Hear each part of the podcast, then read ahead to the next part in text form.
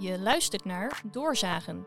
Hierin bespreekt co-bouwjournalist Thomas van Belzen een actueel item met één of meerdere gasten. Samen scheiden ze de fabels van de feiten, bouwen ze op en zagen ze door. Ja, ik ben 29 jaar uh, brandweercommandant en ik heb in mijn leven nog nooit zoiets kwaadaardigs uh, gezien. Uh, die passage las ik in het NRC dit weekend en dat ging over de brand in Valencia. Uh, en de vraag is van in, in hoeverre kunnen dit soort branden zeg maar, ook in Nederland voorkomen? En überhaupt, hoe zit het met brandveiligheid in de Nederlandse bouwsector? En met wie anders kun je dat dan beter bespreken met Johan Koudijs? Uh, al jaar en dag, uh, Johan, ben jij bezig eigenlijk met brandveiligheid in de sector, toch? Of niet? Ja, ik ben daar dikke 25 jaar mee bezig. 27 jaar geleden bij DGMR gaan werken en daar al, eigenlijk als gevelspecialist. Uh, en daar uh, tegen de brandveiligheid aangerold en uh, dat vak opgepakt. gevels ben ik er altijd wel bij blijven doen. Dus vandaar ook mijn, elke keer weer mijn, mijn passie om zeg maar even met dit soort dingen bezig te zijn. ook op, om rampen zoals in, in, in Spanje te voorkomen. Ja. Is het een mooi, wat voor vak is het? Is het een mooi vak, complex vak? Het is een heel complex vak. Het is ook een heel breed vak. Want dat gaat natuurlijk van uh, uh, installaties uh, met hydraulische berekeningen, sprinklerinstallaties bijvoorbeeld, tot en met elektronica in brandmeldinstallaties, regelgeving. het is echt een heel breed vak. Aangrijpend ook misschien soms? Zeker, zeker. Je, ook na dit weekend weer natuurlijk, van vraag je af hoe, hoe dit in Spanje kan gebeuren, terwijl het voorbeeld in 2017 in, uh, in uh, Grenfell al, uh, al gegeven is hoe het niet moet. Ja, heel nog even over jouw naam, koud ijs. Ik ging het nog zelf opzoeken. Het koud ijs heeft helemaal niks met, met ijs of met brandweer of wat dan ook te maken, toch? Of wel? Nee, nee. mijn naam, ja, grappig. Um, de meest, de meest waarschijnlijke verklaring is koud ijzer.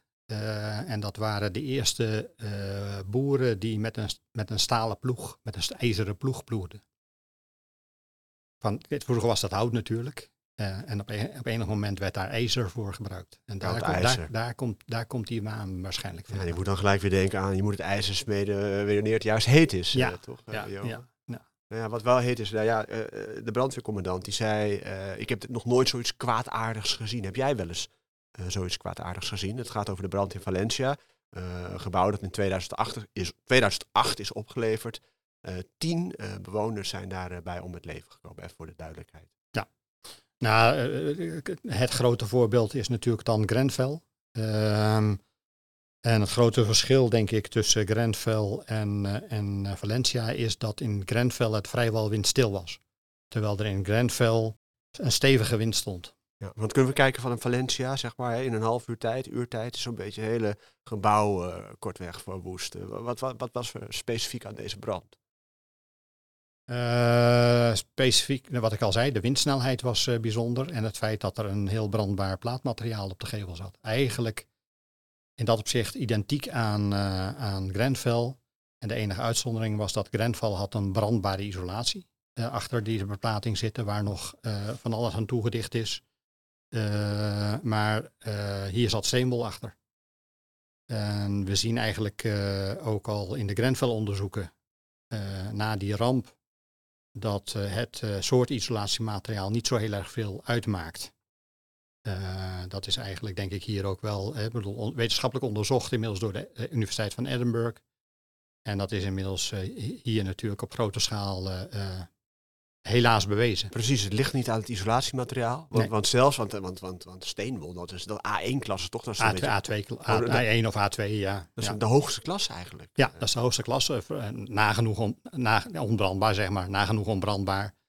Uh, maar is dat niet schrikken dan? Ik bedoel, als zelfs uh, het meest onbrandbare isolatiemateriaal zeg maar, op die manier tekeer gaat bij, uh, als het misgaat. Nou, wat, het, wat, er, wat, er, wat er gebeurt is dat het, het, is, het is een systeem. Dus de beplating met die isolatie vormt een systeem waarbij de hitte uit de plaat zeg maar even, uh, niet weg kan. Dus die wordt feitelijk geïsoleerd door, door het isolatiemateriaal wat erachter zit. En uh, dat veroorzaakt eigenlijk een nog veel uh, sneller brandverloop in de plaat zelf.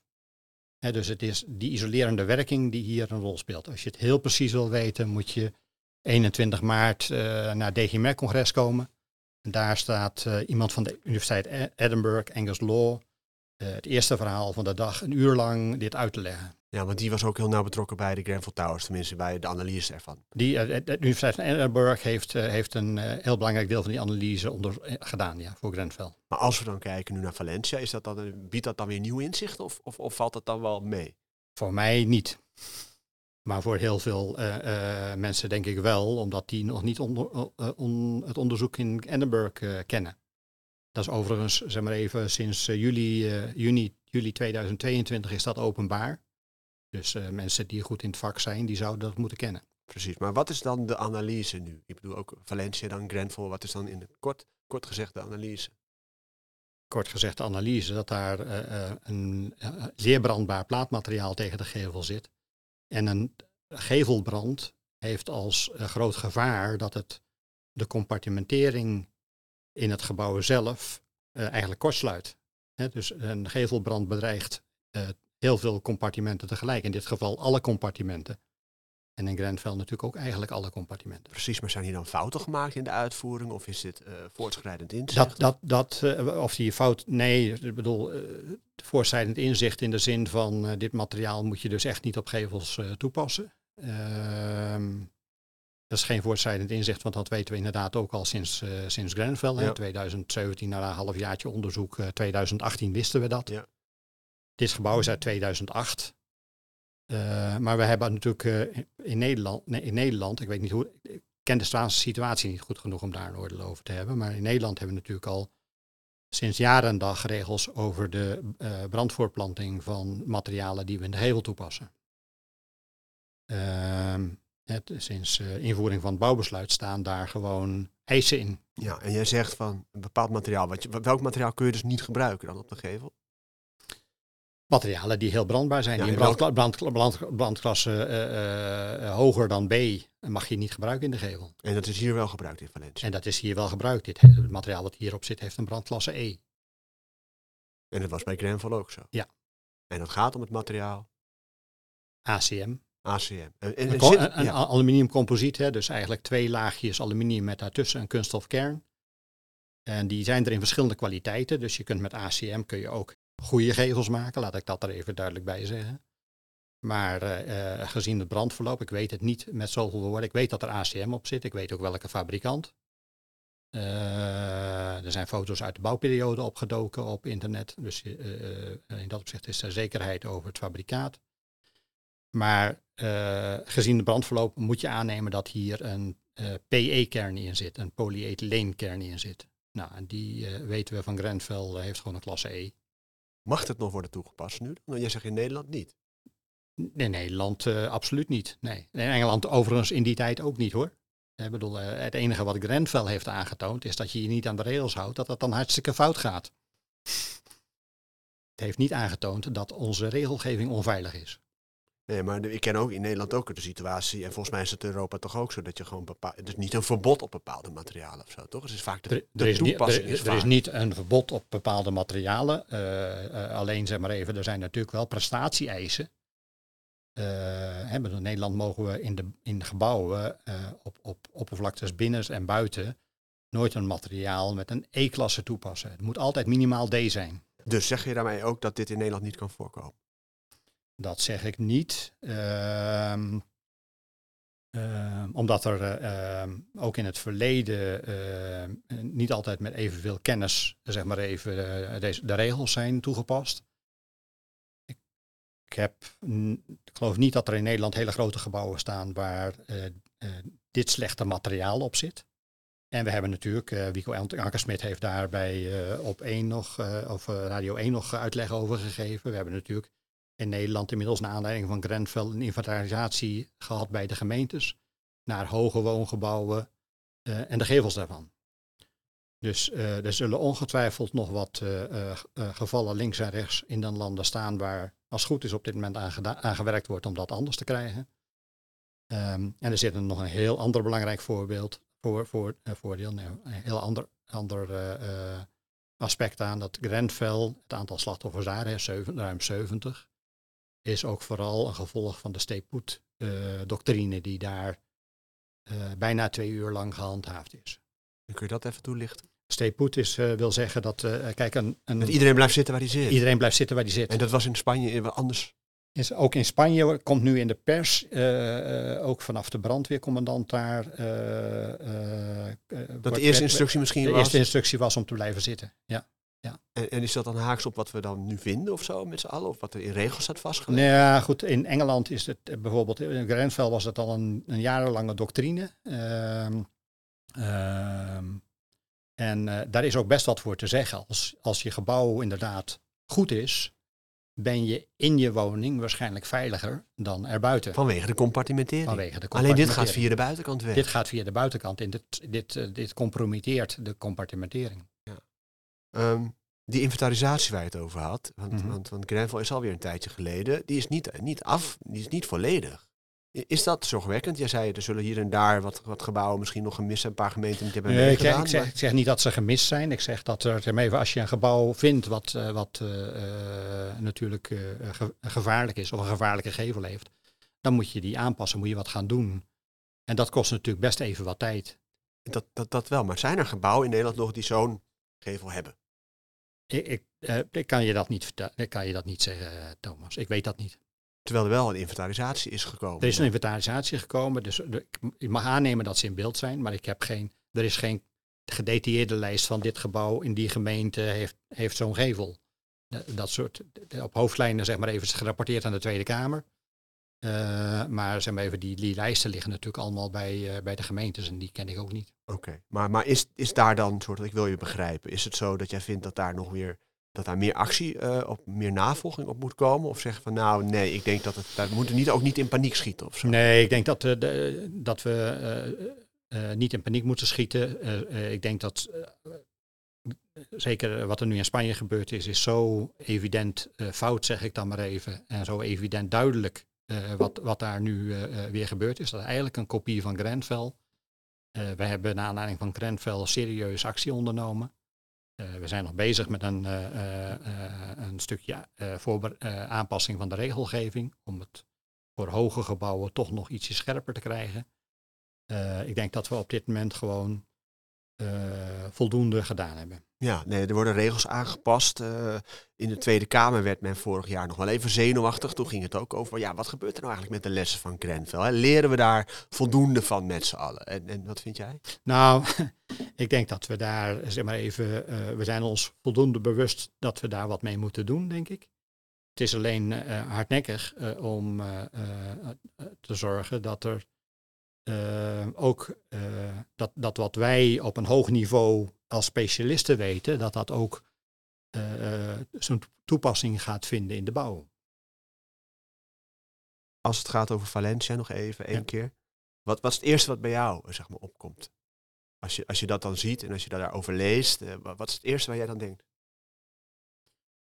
Ehm, hoe is het mogelijk dat het eh, zeg maar even zeven jaar na Grenfell eh, dat dit soort dingen eh, nog gebeuren?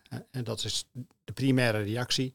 En als je dan natuurlijk rationaliseert, dan weet je wel dat zeg maar even in Engeland is in, in, de, in, de, nasleep van Grenfell. Daar zijn ze ook nog niet vanaf. Hè. Er stonden geloof ik in Groot Londen alleen al 300 gebouwen met dit type glevelbekleding. Eh, die zijn waarschijnlijk nog niet allemaal aangepast. Hoe is het mogelijk? Ehm, hoe is het mogelijk? Ja, eh, eh, ik denk heel erg ehm, ehm, toch race to the bottom. Geld, goedkoop, goedkoper, nog goedkoper. En complex misschien ook. Hè? Ik bedoel, eh, Saskia eh Hegeman hè? Van, eh, van bureau Nieman. Heeft ook een keer in deze, deze uitzending gezeten. Die had het over prullenbaktestjes. En die vond dat we veel meer moesten testen. Zoals misschien in de, in de praktijk werd toegepast. Die geeft eigenlijk ook aan.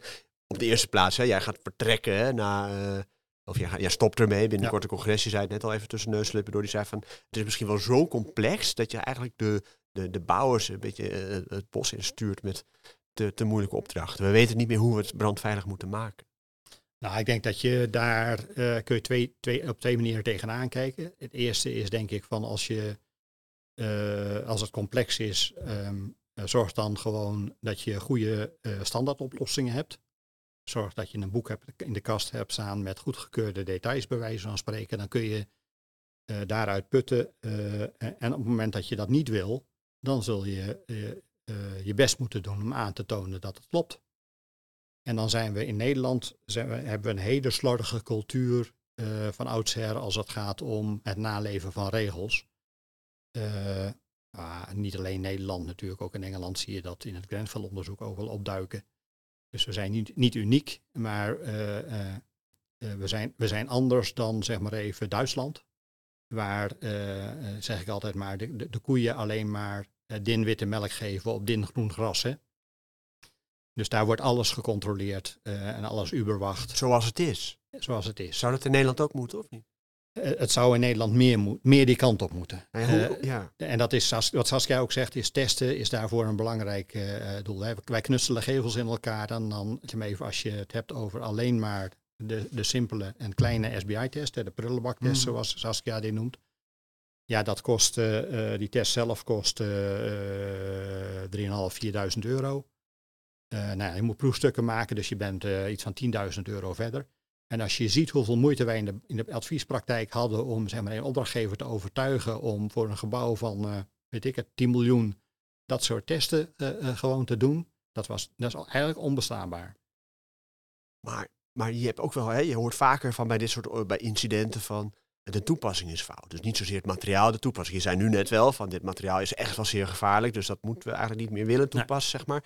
Laten we niet te veel toe, zeg maar. Hè? Want als je alles in, in rekensommetjes wegwerkt. Uh, nou ja, de, toepa de toepassing, een van de, een van de grote uh, uh, valkuilen bij nadenken over toepassing van materialen, is dat je alleen naar het materiaal kijkt. De, de, de hele bouwmaterialenhandel, die declareert alleen maar de presentatie van zijn product. Terwijl op het moment dat je het toepast in een systeem, we hadden het er net al even over voor Valencia, je toepast in een systeem, gaat het zich anders gedragen, want dan gaan er andere materialen meedoen.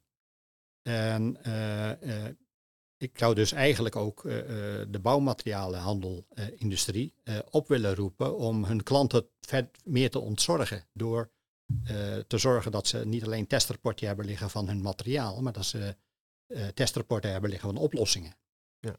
Maar is het dan zo dat die bouwers maar wat aanmodderen af en toe? Ik bedoel van... Ja. ja, echt waar? Ja. Maar dat is zorgelijk dan? Ja, Okay. We, gaan, we gaan zo even over, nog over, het, over de big picture. Hè. Hebben we het natuurlijk al een beetje over gehad, maar dan gaan we toch nog even naar, naar het eindstuk duwen. Want een beetje lucht in de discussie. Johan, ik bedoel, je, je staat bekend als een soort mastodont van uh, ja, brandveiligheid in de bouw. Uh, je, gaat, je, bent eigenlijk al gestopt en komt nog met een congres met allemaal internationale lieden haal je naar binnen. We hadden het al even over brandveiligheid gehad. Je bent niet, je bent niet in een brandweerpak geboren, hè? Of wel? Nee, zeker niet. Nee. Nee, ik ben, ik ben groot geworden op een, op een agrarisch dorp, Barneveld. tussen de kippen? Tussen de kippen. en mijn vader was een kleine middenstander, die, die verkocht verzekeringen. nou ja, dat is wel weer. Met brand heb je altijd met verzekeringen. Ja, precies. Daar heb je wel mee te maken, dat klopt. Maar, uh, hoe, hoe is die liefde zo gekomen? Want ik bedoel, ik, ik had iets gelezen over dat je jouw beste vriend of zo, die was de zoon van een aannemer. Ja, klopt. Dat is uh, toen ik, nou beste vriend, maar op de kleuterschool, toen hadden we nog kleuterschool, hè. Op de kleuterschool was ik uh, uh, nog heel gewoon was. ja, ja. Toen had ik een, een vriendje, die was zoon van een aannemer. En voordat ik op de lagere school zat, had ik al samen met hem echt gemetseld. Hè? Dus stenen en echte specie. En die muurtjes daar zijn er nog steeds nou, bewaard die, die, hebben, die, zijn, die zijn gesloopt. Maar ja. uh, nee, dus even die, die passie voor de bouw, die had ik al, al heel vroeg. Ja. Um, nou ja, daarna, ik, ik, was, ik ben dyslectisch. Vroeger noemden ze, hadden ze er ook een, nog een ander woord voor. Ze wisten eigenlijk niet amper wat dat was natuurlijk. Dat was woordblind. Dus ik was ehm, op de lagere school het sukkeltje van de klas. Ehm, en ik heb dus ook heel, ben een laadbloeier wat dat betreft, een lange schoolcarrière achter de rug. MAVO, HAVO, MTS, HTS. Uh, en daarna ben ik inderdaad in, uh, in, het, uh, in het geveladviesvak terechtgekomen. Ja, en dan even om in de beeldspraak te blijven, hoe is die vonk zeg maar overgesprongen naar de brandveiligheid? Ja, dat is me misschien wel een beetje overkomen. In de zin van, ik, ik, ik, ik heb tien jaar lang heb ik bij kleine adviesbureaus geveltechniek geadviseerd. en toen ben ik bij, bij DGMR gaan werken. en daar kwam ik op de kamer bij Frank Jacobs. En Frank was de, een van de jonge gasten daar die met brandveiligheid bezig was. Dus ik ben eigenlijk door hem een beetje besmet. Ja, en is het dan logisch, ja? Ja, overigens had ik ook in mijn gevelcarrière, uh, geveladviescarrière, had ik al te maken gehad met brandveiligheid. Ik ben we hadden toen een, een, Nederlandse voornorm, de 3895 voor kantoorgebouwen. Uh, daarin stond dat je elke 20 meter moest je de ramen van twee verdiepingen brandwerend maken. En dat had te maken met het feit dat brandoverslag uh, de standaard borstweringhoogte nog, nog wel eens onvoldoende vond. Onvoldoende was. dus dan werd eens in de 20 meter werd zo'n gebouw dan eigenlijk verder gecompartimenteerd. Dus daar had ik in mijn adviespraktijk, uh, in geveladviespraktijk al mee te maken gehad. En in hoeverre is het nou logisch dat je op deze plek terecht bent gekomen? Heb je daar zelf een verklaring voor of niet? Is dat inderdaad dat jonge mannetje die, die, die muurtjes metselde met zijn vriendje? Uh, of, of, of, is er nog iets anders ook? Nou ja, de, Misschien wel een, een, een, vanuit het feit dat ik inderdaad het sukkeltje van de klas was, ook toch wel een hele sterke drijfveer om mezelf te bewijzen. Is dat gelukt? Um, ik denk dat ik, ik, zou, ik wil, wil het niet op de borst slaan, maar ik denk dat ik samen met heel veel andere mensen bij DGM, want je doet het nooit alleen, dat we iets heel moois bereikt hebben. En ik denk dat, um, nee, laat, laat, daar maar even bij laten. Oké, we gaan nog even over de analyse hebben en over de toekomst vooral. Um, we gaan het hebben over het grotere plaatje. Uh, ik heb een column gelezen, het was jouw afscheidscolumn volgens mij in 2023 heb jij geschreven. En heb je het eigenlijk over dat we in Nederland eigenlijk te weinig kennis hebben op het gebied van brandveiligheid. Een soort kennisarmoede is er. Um, en het wordt, de opgave wordt alleen maar groter en complexer. We moeten allemaal uh, gebouwen nu inpakken met nieuwe materialen. We gaan met biobased tekeer. Wat, wat, wat, wat, dat is wel heftig dan. Dat is zeker heftig. Ehm, overigens niet helemaal een uniek Nederlands probleem. Hè. Als je kijkt naar houtbouw, dan denk je in de typische houtbouwlanden om ons heen zal het allemaal wel veel beter geregeld zijn maar ook in Zweden zijn ze nog heel erg aan het, eh, aan het onderzoeken wat dat voor implicaties heeft voor brandveiligheid. Ehm, Zwitserland, Oostenrijk zijn ze, wat, zijn ze net iets verder, maar daar doen ze vrij rigoureus als het gaat om woongebouwen, alles hoger dan vier verdiepingen, daar gaat de sprinkler in. Um, dus ehm, nee, ik denk dat we heel erg aan de vooravond staan van een, van een, uh, van een materiaal- en, en bouwmethodetransitie. Uh, we, moeten, we moeten wel, hè, CO2 mo moet omlaag. de CO2-investering in gebouwen. Ehm, en daar, daar, weten we, daar weten we eigenlijk nog onvoldoende van. Ja, um, jij, jij, wil voorkomen dat al die gebouwen in de hens vliegen, als het ware. je dringt eigenlijk aan op een soort ja, instituut wat ze ook in, uh, in Zweden hebben. Een soort brandforsk, las ik. Eh, ja. Wat, wat, bedoel je daarmee? Een brandveiligheidsinstituut in Nederland? Nou, brandforsk betekent gewoon brandonderzoek, hè, als je dat letterlijk vertaalt ja. vanuit Zweeds. Um, ja, wat ik, wat ik eigenlijk, kijk, wat we vroeger hadden, en dat was natuurlijk al veel algemener na de oorlog, is de Stichting Bouwresearch opgericht. Een instituut waar zowel aannemers als overheid geld instopte en waarin bouwmethodes, bouwfouten, van alles en nog wat werd onderzocht en in begrijpelijke publicaties werden teruggegeven aan de bouw.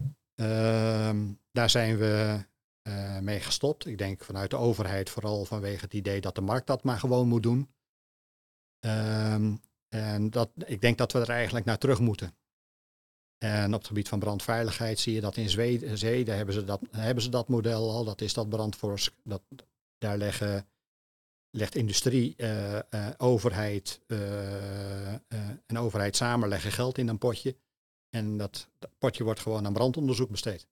Er moet gewoon geld opzij worden gezet door overheid, marktpartijen, wetenschappelijke instanties, misschien wel door bedrijven, om samen dan een instituut op de op de op, op de, tuig. Ja, dat zou, dat, zou, dat zou ik wel heel erg mooi vinden. En ik denk ook dat het hard nodig is. Uh, en ik Misschien, uh, Thomas, is het wel aardig om de vergelijking te trekken. Ik bedoel, als we nu de hele discussie over de Oekraïne en de NATO, 2% van ons uh, bruto nationaal product moeten we uitgeven aan defensie. er zijn wel wat plekken waar zeg maar even ook wat veiligheidscentjes in moeten, naar mijn idee. En um, dan zou je um, van die 200 miljoen subsidie voor het uh, stimuleren van biobased bouwen zou eigenlijk gewoon een stuk apart worden gezet om onderzoek te doen naar hoe we dat ook veilig en goed kunnen doen. Of zou het eventueel Johan Koudhuis Instituut kunnen noemen? Dat zou te veel eer zijn, denk ik. Er zijn mensen die daar veel, die, die veel meer kennis hebben nog dan ik. Hoe, hoe, vind je het om dit gesprek te voeren? Ik bedoel, ik zie, ik zie hè, je met veel enthousiasme, maar je vindt het is ook best wel een taai onderwerp natuurlijk. En het is ook aangrijpend in die zin. Hè? Ja, het is een, het is een taai onderwerp. Ik bedoel, ook uh, bij opdrachtgevers is het natuurlijk altijd uh, proberen zo min mogelijk te doen. Hè. Ik heb ooit eens een keer een uh, opzichter in de bouw tegengekomen die zei alles wat mee, met BR begint is duur. Um, en dat zijn ook voorzieningen. eigenlijk hoop je dat je die brandweer aan de deur ook nooit nodig hebt. Hè. Dus je moet gewoon een fatsoenlijke deur maken. Want die moet het uh, eh, 200.000 keer open kunnen in de, in, de, in de tijd van de gebouw. Precies, maar heb je dan het gevoel dat je dan moet verdedigen of zo? Dat je moet uitleggen waarom het belangrijk is? Dat je in herhaling valt? Ja, ik, ik, we moeten blijven roepen. Ja, want anders, uh, zeg maar even, denk ik dat. Uh, dat ik denk dat mensen. We, hebben dat gezien bij de toepassing van zo op de snelwegen. Het was allemaal heel fijn, want dan konden we, hadden we beter zicht als het regende. En vervolgens gaan we 10% harder rijden gemiddeld genomen. Dus mensen, zeg maar even, reageren pas op gevaar op het moment dat ze het zien. Dat is psychologisch ook bekend. Dus als er geen branden, geen, geen branden zijn, dan denken mensen dat die regels voor brandveiligheid ook niet zo belangrijk Precies, maar hoe urgent is het dan? Is het dan vijf voor twaalf? Is het vijf over twaalf? Of is het tien over tien? Ik bedoel... Uh, ik denk dat het twaalf uur is moet wat gebeuren. Er moet, er, wat gebeuren. er moet wat gebeuren, want we zijn uh, volop met, met hout en biobased materialen bezig buiten. Ja, en net op dat moment dan stop jij ermee. ja. ja, die tijd komt een keer, hè, maar er zijn, er zijn andere goede mensen. Is dat moeilijk of niet? Vind je het moeilijk om het nu los te laten? Ik vind het wel moeilijk om het los te laten, ja, dat zeker wel. Ja. En wat is er moeilijk aan? Ehm, gewoon de, de liefde voor het vak en de techniek uh, blijft me bezighouden. En ik merk dat ik, zeg maar even, uh, uh, ook als ik zoiets weer in Spanje zie gebeuren, dat ik daar heel, um, um, ja, heel gepassioneerd van raak eigenlijk. Heel, heel betrokken bij ben. Van, eigenlijk, wij, wij moeten als bouw moeten wij zorgen dat dit soort dingen niet kunnen gebeuren. Mensen moeten de zekerheid hebben dat ze in een gebouw veilig zijn. Dat is niet absoluut, natuurlijk absolute veiligheid bestaat niet, maar er moet een soort van basisveiligheid aanwezig zijn. Daar hoort de overheid hoort daar de sturing aan te geven. Maar wij met z'n allen in de bouwsector horen ook te zorgen dat dat klopt. Oké. Uh, sowieso namens heel veel mensen in de, in de brandveiligheidshoek en, en, en van de bouw. bedankt volgens mij, Johan. mag ik wel namens hen zeggen. als we dan toch nog heel even kort resumeren. wat, wat voor brand laat je achter? Is, is dat een klein brandje? Is dat een wat grotere brand? Is dat een vlammenzee? Wat bedoel je dan met de brand? Die ik nou ja, gewoon qua, qua hè, alle opgaven die we nog hebben. En, en 12 uur zei je net. 12 uur, ja, ja. Ik denk dat we echt wat moeten gaan doen. Want anders krijgen we uh, in Nederland uh, over 10 of 15 jaar gewoon problemen. En, en, kunnen we het oplossen? Ja, zeker. Ja, ja absoluut. Uh, het gaat om aandacht en, en om geld. Ehm, dus laten we gewoon zorgen dat we uh, nu investeren. In plaats van achteraf, zeg maar even, de brandjes blussen. Dames en heren, dit was Doorzagen en dit zagen wij. Dankjewel Johan uh, Koudhuis. Graag gedaan, Thomas. En je bent altijd nog een keer welkom. Dit was Doorzagen. Wil je meer nieuws en duiding over de bouw? Ga dan naar cobouw.nl.